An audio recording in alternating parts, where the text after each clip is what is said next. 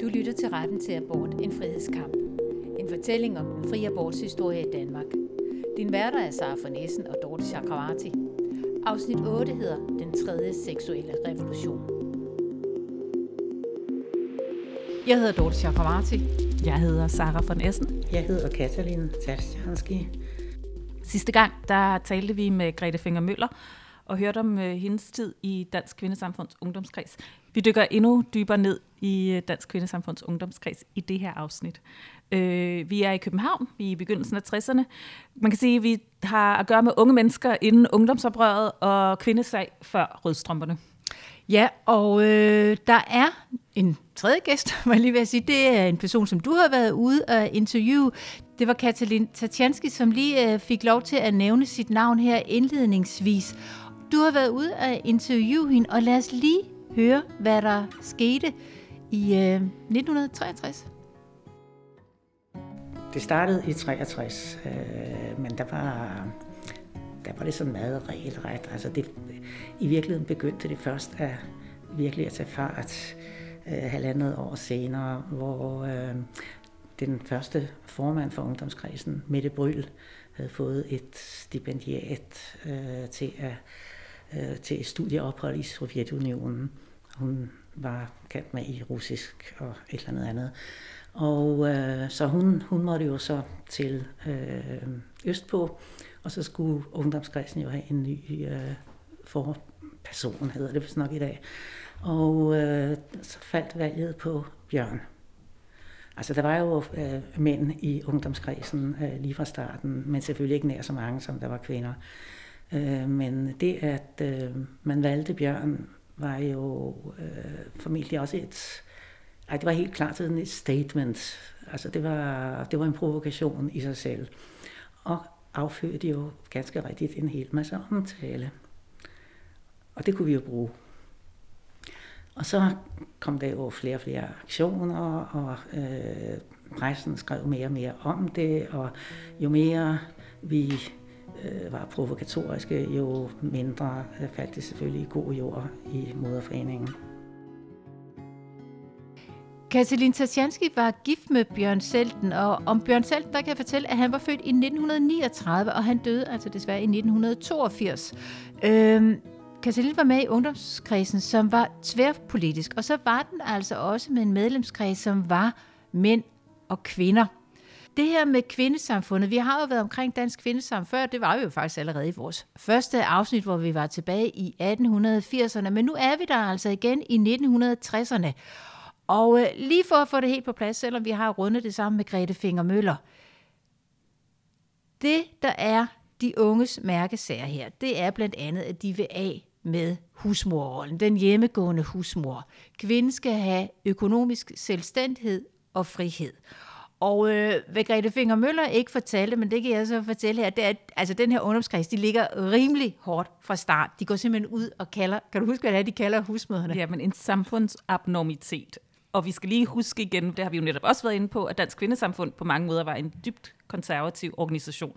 Og ikke, altså, den var også, det var en husmororganisation, en hattedameorganisation, som Grete Fenger Møller jo også nævnte det. Ja, og, altså, og man må bare sige, at på, altså, i Danmark i 1950'erne og 60'erne, altså det er omkring halvdelen af kvinderne, som er hjemmegående husmor. Så lige at banke dem ud til siden og sige, I er en samfundsabnormitet, det er altså noget af et, et statement at komme med. Og det øh, vækker, kan vi også roligt sige, øh, lidt modreaktion fra, fra moderorganisationen. Det her, det er en generationsopgør, der bare ganske langsomt er ved at tage form og fart. Og ikke bare taler man om det her med husmor, man begynder jo altså også at tale om fri abort, som dansk kvindesamfund heller ikke er pjattet med.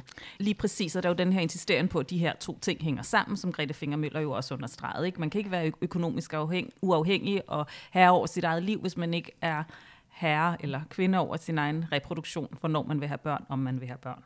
Øhm, så, så, så det er en ret tydelig, provokerende dagsorden på det her tidspunkt. Man kan sagtens tale om et ungdomsopgør, men det er jo i, i årene inden det ungdomsopgør, vi plejer at tale om at huske. I 1968. I 1968, præcis, hvor vi ser de langhårede, udflippede typer. Og når man kigger på billederne af den her ungdomskreds, de billeder, der var i avisen dengang, så er de jo, de er jo unge ansigter, men de er piberygende, de er i jakkesæt, og de har fuldskæg.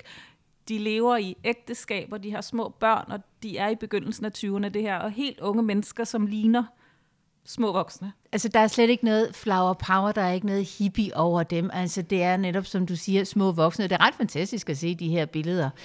Øhm, men vi skal holde fast i det her med øh, aborten. Og lad os lige høre lidt mere om, hvordan øh, Katalin beskriver tiden, og ikke mindst den her aktivisme, som de ligger for dagen i ungdomskredsen. Ja, så skal vi jo faktisk helt frem til øh, der, hvor vi øh,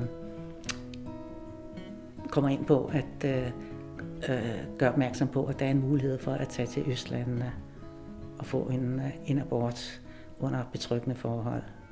Det hele kom så altså allerede et par år i forvejen havde studenterne haft noget, altså noget de kaldte for en abortuge, som jeg overhovedet ikke har været inde over, så det kan jeg ikke sige noget om. Men øh, så havde der været øh, nogle unge svenskere, Sverige var meget med øh, på, på det tidspunkt på kvindesag, som øh, var begyndt at om ikke at arrangere, men altså sådan at begynde at øh, propagandere for, at, eller gøre opmærksom på, at man kunne tage til øh, Østlandene, hvor der på det tidspunkt var, altså bag jerntæppet selvfølgelig, hvor man kunne, øh, hvor der var fri abort. Muligvis ikke sådan helt fri for udvindinge, men altså sådan, man kunne meget hurtigt øh, få fat i en læge, der var øh, villig til at udføre en abort også på udenlandske kvinder. Og øh, det inspirerede os. Vi havde hørt om, om øh, øh, disse svenskere, øh, og så gik vi selv i gang. Øh, og øh, det var jo ikke øh, et, et, nogle organiserede ture, men vi kunne forsyne øh, de uønskede gravide med øh, oplysninger om for eksempel, altså hvad, hvad hedder en udskrabning på, på polsk? Øh, hvad hedder en gynekolog på polsk?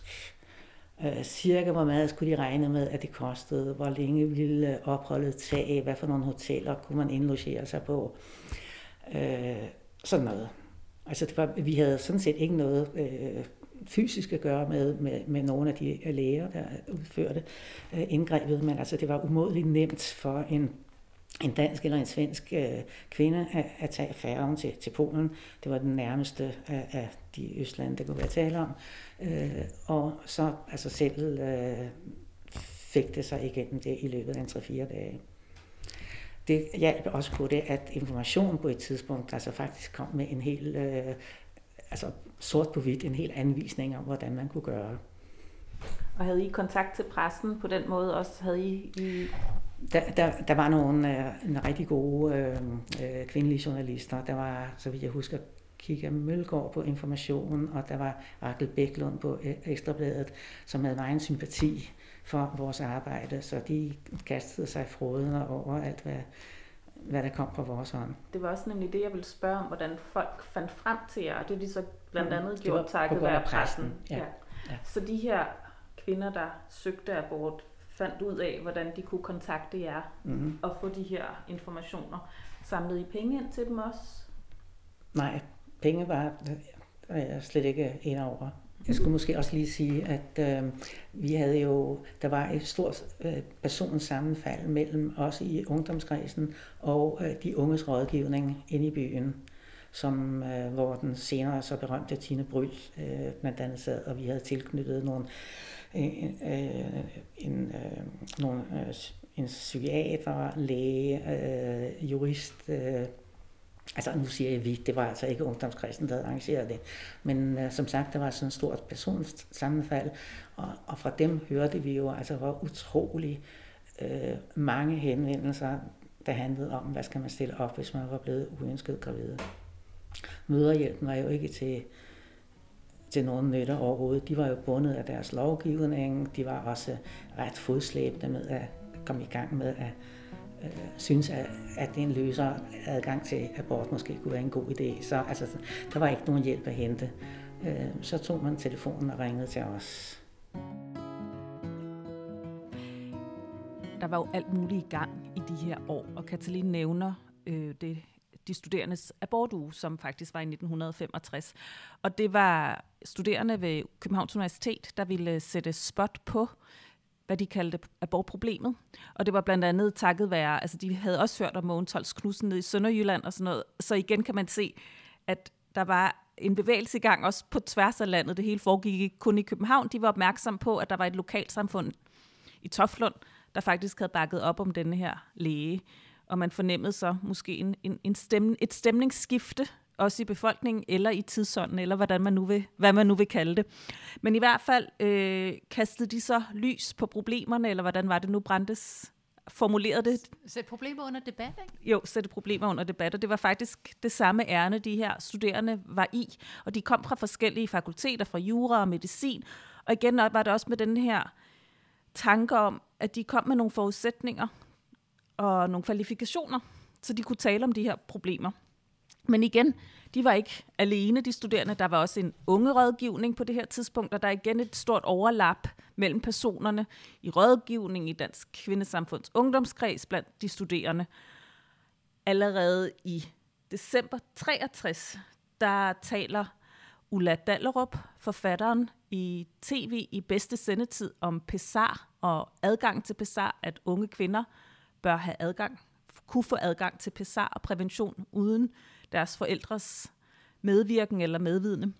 Og det skaber en kæmpe ballade. Så man kan sige, altså igen, de, de her stemmer kommer alle mulige steder fra i ungdommen, fra unge mennesker. Den seksuelle revolution begynder at rulle, også takket være p-pillen, der kommer til Danmark i 1966. Så man kan sige, ja, det er demografi, der er masser af unge mennesker, der er nogle medicinske landevindinger, p-pillen, og der er også massemedierne, der er alt muligt, der er med til at sætte skub i de her bevægelser. Vi har talt tidligere om abortrejser. Vi talte om det i mellemkrigstiden. Øh, vi talte om den roman, der hedder Berlinerrejsen, som er skrevet af Harald Bergstedt, som netop handler om det, om en, en, en kvinde og hendes mand, der tager til Berlin for at få foretaget en abort på det her tidspunkt. Og den roman handler jo om, at det jo ikke er alle for ondt. Det er ikke alle, der har muligheden økonomisk, praktisk, alt muligt til at rejse ud af landet. Men det var altså igen noget, der skete på det her tidspunkt også. Øh, den, nu var det Polen, og siden blev du altså London. Og det her med, at det kommer til at ske i 60'erne, det er jo et lidt andet format end Berlinerrejserne, fordi det her, det er jo aktivisme. Det, man sætter i gang. Det er de unges aktivisme, en måde til at gøre opmærksom på, der er noget galt det er nemlig lige så meget en provokation, som en, som en, en, en netop en, en praktisk uh, mulighed. Altså det handler netop om igen at skabe larm omkring abortproblemet. Og lad os så lige vende tilbage til Katalin, som fortæller mere om de her abortrejser.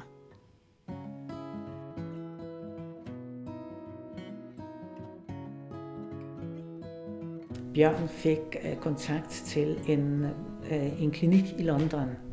Vi var faktisk over og besøgte den og den var altså tip-top, og det var en fast adresse, om en, en hvilken som helst øh, kvinde kunne komme over til, øh, til øh, London og, og, og få en udtalelse, jeg tror fra to øh, psykiatere eller to psykologer, øh, komme en eller anden song and dance om, altså hvorfor, hvorfor det var nødvendigt, øh, og så kunne hun få den der abort om, til en fast pris. Og det eneste problem var faktisk, at hvis der var kvinder, der tog over uden at have den der faste adresse, øh, og som bare kastede sig ind i den første, den bedste taxa, så kunne hun altså risikere at blive kørt til øh, til et eller andet uorganiseret, hvor hun dels skulle blive bonget for alt for mange penge, og dels øh, få foretaget en abort under ikke betryggende forhold. Men det var så Englandsturene, som jo totalt afløste Polen, fordi det her, det var jo altså virkelig, det var virkelig i orden. Det kunne vi stå inde for. Ja. Men det må også have kostet en del for de kvinder at komme til England alligevel? Ja, det gjorde det nok. Det gjorde det nok. Men som sagt, vi havde ikke på noget tidspunkt uh, sådan økonomisk, altså noget økonomi ind over. Det, det måtte folk jo så selv skaffe sig. Altså det stod selvfølgelig i vores vedtægter, at det var noget samfundet burde og så videre, ikke? men det var ikke noget, at vi havde i, i om jeg, altså vi organiserede ikke nogen indsamlinger, vi gjorde ikke noget i, i den retning der. Det interessante er jo også, at Dansk Kvindesamfunds Ungdomskreds øh, er tværpolitisk, og det er også et, øh, et forum for både mænd og kvinder, og Ungdomskredsen jo faktisk får en mandlig formand, Bjørn Selten. Og det handler jo netop om, at økonomisk ligestilling og seksuel ligestilling går hånd i hånd og er frisættende, frigørende for både mænd og kvinder. Og det, som vi også forstår ved de her tidlige år i 60'erne, og måske i 60'erne i det hele taget, det er, at det ikke er en kamp netop nødvendigvis mænd mod kvinder, kvinder mod mænd, men det er et generationsspørgsmål. Det er også det, vi kan se, når vi taler om dansk kvindesamfund gennem vores podcast faktisk, at der er tale om generationskløfter, og det er ikke nødvendigvis netop en kønskrig, men det er en krig eller et opgør mellem unge og ældre. Og så vil jeg også bare sige, så vi har været igennem avisartiklerne her. Vi har virkelig fået læst os ind på Bjørn Selten, som var et nyt navn i min kvindehistorie. Og også vil jeg sige, fået et andet blik på, hvad er det egentlig, der sker før ungdomsoprøret og rødstrømperne. Og det, der virkelig har været øjenåbnende for mig ved at dykke ned i alt det her, det er det her syn på fri abort. Det er ikke kun en kvindesag. Det er en, så at sige, menneskesag. Det vedrører os alle. Det her det er en samfundssag. Præcis. Og vil vi have et samfund, hvor vi alle sammen kan være frie og trygge og have lige muligheder, så skal vi alle sammen kæmpe for det. Hallo, øh, en mandlig formand, og øh, oven i købet så var Bjørn jo i sit private liv, øh, var han jo øh, fabrikant af pikant undertøj. Øh, så altså, den, den kombination altså, af pikant undertøj, kvindesag og manden, altså, det, det var virkelig gefundenes fressen for, for pressen. Det er også en god historie, det er det mm. virkelig. Øhm, men netop det her også med aborten, og i det hele taget med, med ligestilling og kvindesag, det er også interessant, at, at det blev så tydeligt en sag for både mænd og kvinder mm. i de her år, i de her år, hvor I var aktive. Er det, var I meget bevidst om det? Ja, det var vi. Øh, det var vel også det, der gjorde, at der, at der var uh, mænd, der var med i ungdomskredsen. Jeg, jeg mener ikke, at der var mange mænd, der var med i moderforeningen, men uh, der var der var måske en, en, en femtedel af de, de par hundrede, der, der når, det, når det gik højt, var medlemmer af ungdomskredsen, som faktisk var mænd. Øh, fordi der blev aldrig lagt skjul på, at øh, formålet, altså alt det vi kæmpede om, det var jo også en frigørelse af mændene. Altså det var lige så meget en mandesag, som det var en kvindesag. Det betonede Bjørn jo også meget. Og alene ved sin tilstedeværelse øh, var han jo et glimrende bevis. Og hvordan mente han og I, at det var en frigørelse af manden? Al ansvar, al økonomisk ansvar påvilede manden ifølge det gamle system. Øh, han kunne altså han, han var jo på sin vis bundet lige ad af sin kønsrolle som, som kvinderne, altså bare på den modsatte måde. Det var, det var ikke noget, øh, de yngre mænd overhovedet stillede spørgsmål til ved. Altså, det var da helt klart, at det ville da være en lettelse for dem, også at få en, øh, en mere ligeværdig partner. Det her med, at det netop var, altså det netop var en, at Dansk Kvindes Samfunds Ungdomskreds var tværpolitisk for det første også, at det var både mænd og kvinder, der var aktive, at der også var en, en, en det lyder næsten for godt til at være sandt, også i dag, hvor det politiske liv er meget polariseret også. Mm. Altså, hvordan oplevede I samarbejdet med rødstrømper for eksempel? Ja, det er jo så et ømt punkt med rødstrømperne. Det er jo faktisk på det tidspunkt, at det bliver rigtig polariseret. Øh, I det, øh, det vil jo for eksempel, det ville jeg ikke have drømt om at have en mand øh, i en bestyrelse, eller en mand en sige til et møde. Altså sådan, at, det var sådan set dem, der polariserede øh, kvindesagen. Øh, og der, der var vi jo nærmest holdt op, ungdomskredsen. Du ved jo, at vi, øh, vi trådte ud af, af moderforeningen, men det har Grete Finger formentlig fortalt dig alt om, for hun, hun blev jo. vi der var i ungdomskredsen dengang op igennem 60'erne, øh, vi oplevede ikke, at det specielt var øh, mænd, der var imod os det var lige så meget kvinder, altså det var et generationsspørgsmål mere, end det var et kønsspørgsmål. Helt klart.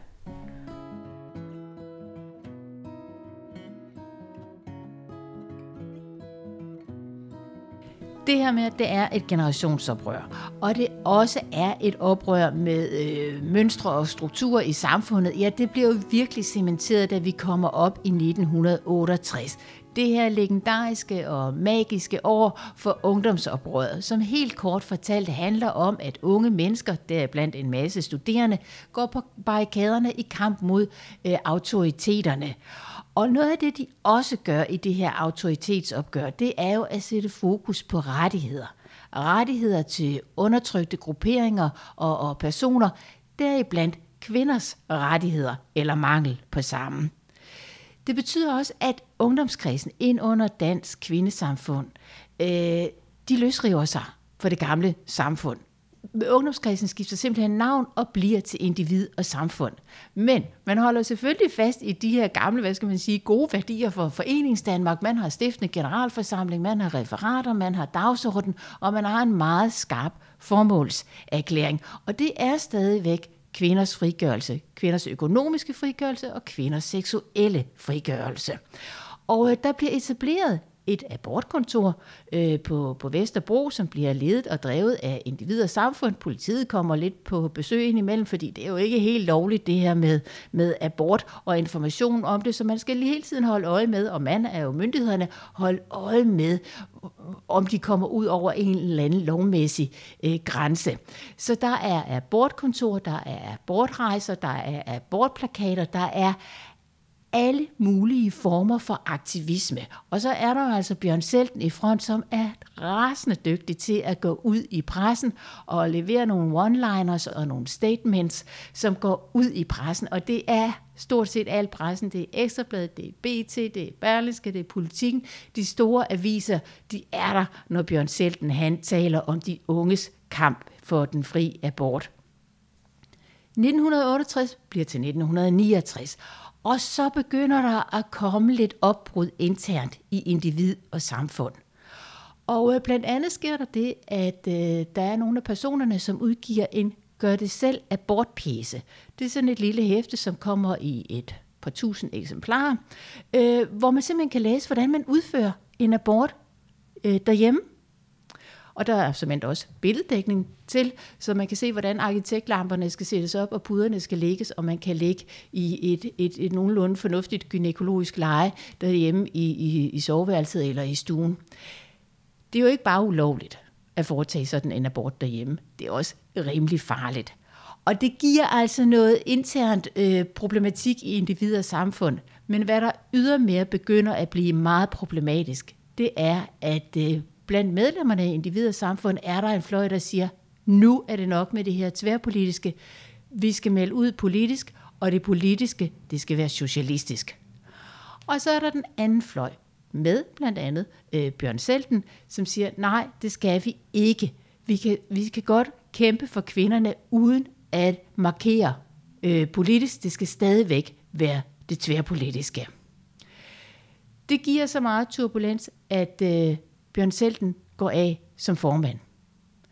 Han melder sig for en kortere bemærkning ind i øh, Dansk Kvindesamfund, og det kan han også roligt gøre, fordi på det her tidspunkt har de jo, som vi har hørt tidligere i udsendelsen med Grete Finger Møller, øh, der siger man i Dansk Kvindesamfund, okay, nu går vi ind for, for fri abort, men altså han melder sig nu ud igen, men lige kort vej er han lige ind og vende i moderklubben, øh, og, og individer og samfund, de fortsætter også deres øh, arbejde. Langt mere politisk tonet, men stadigvæk med fokus på kvinders frigørelse og også den fri abort.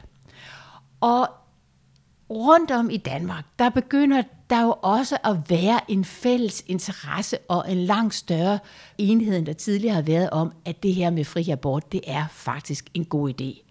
Mogens Holst Knudsen, som vi jo også tidligere har talt om, det abortlægen nede i Sønderjylland, han får etableret en god kontakt til øh, individer, samfund og ikke mindst Bjørn Selten, fordi det kan godt være, at de er rasende forskellige og bor i hver sin del af landet, men de har en fælles sag, nemlig fri abort. Gallup går også ud i 869 og laver en undersøgelse af, hvad er stemningen i befolkningen, og man kan se, at langt flere går nu ind for fri abort, end man tidligere har gjort. Normalt så vil vi jo meget gerne i de her podcast, vi laver her, inddrage noget skønlitteratur. Øh, og det gør vi sådan lidt af bagdøren den her gang. Vi skal nemlig tale om Charlotte Strandgaard, som var digter og lyriker og forfatter, og som levede fra 1943, hvor hun blev født, og så døde hun i 2021. Hun var ung i 1960'erne og var faktisk medlem af Individ og Samfund. Og øh, i 1966, der skriver hun en ret fantastisk digtsamling. Jeg mener, den hedder Afstand. Men den handler om at være kvinde og være mor og krop og kærlighed og alt det her med abort i sådan en fuldstændig fantastisk, jeg vil næsten kalde det gennemsigtig tone af lyrik. Vi skal ikke læse op for den. Til gengæld så vil jeg meget gerne gribe fat i en kronik, hun skrev i 2013, hvor det altså var 40-året for, for den frie aborts indførelse her i Danmark. Der skrev hun en øh, kronik til Kristelig Dagblad, som havde titlen Husk nu virkeligheden før 1973. Og der beskriver hun, hvordan hun som ganske ung fik foretaget en af de her aborter i Polen. Og det hun skriver, det er, rejserne til Polen, ja, der var abort legalt dengang, og England var også muligt, hvis man kunne skaffe penge eller kendte nogen. Det gjorde jeg i Polen. Fortumlet ankom jeg til Warszawa. Dagen efter havde jeg tid hos lægen, der talte lidt fransk, men mit skolefransk var forduftet i en tåge af kvalme og angst. Han havde billeder af sin velklædte familie på skrivebordet, og i rummet med operationsbriksen et krucifix. Ingen narkose til mig, den syndige vesterlænding. Kroppen hjælper ofte en, så jeg besvimede og vågnede op til krucifixet og et udsagn på fransk, som jeg desværre forstod. Det var en lille pige. Hans katolske tro forhindrede ham ikke i at opkræve alle mine sparepenge i dollars. Jeg var heldig og fik kun underlivsbetændelse i fire måneder. Jeg var indlagt sammen med mange, som blev erklæret sterile. Ja, igen, det er svært ikke at føle noget stærkt, når man hører det. Og jeg vil netop sige, at hendes titlen på den, overskriften på den kronik, er jo ligesom perfekt, siger det hele.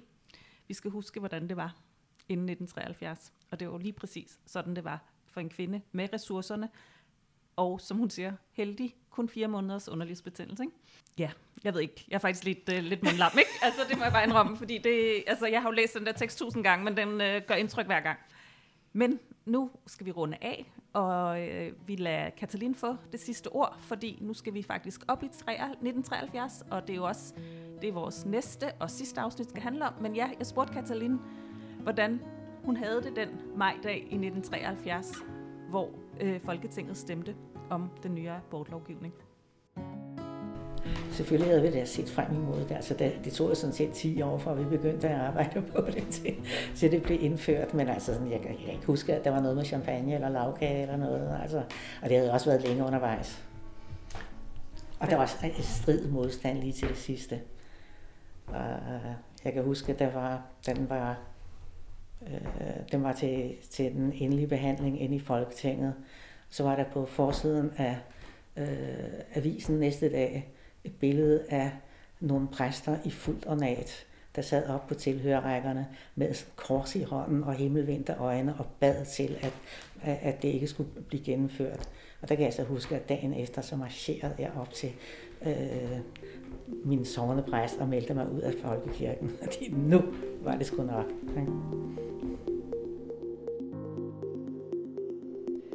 Du har lyttet til Retten til Abort, en frihedskamp. Din værter er Sara von Essen og Dorte Chakravarti, som har tilrettelagt og produceret. Og du kan følge os på Instagram-profilen Abortåret.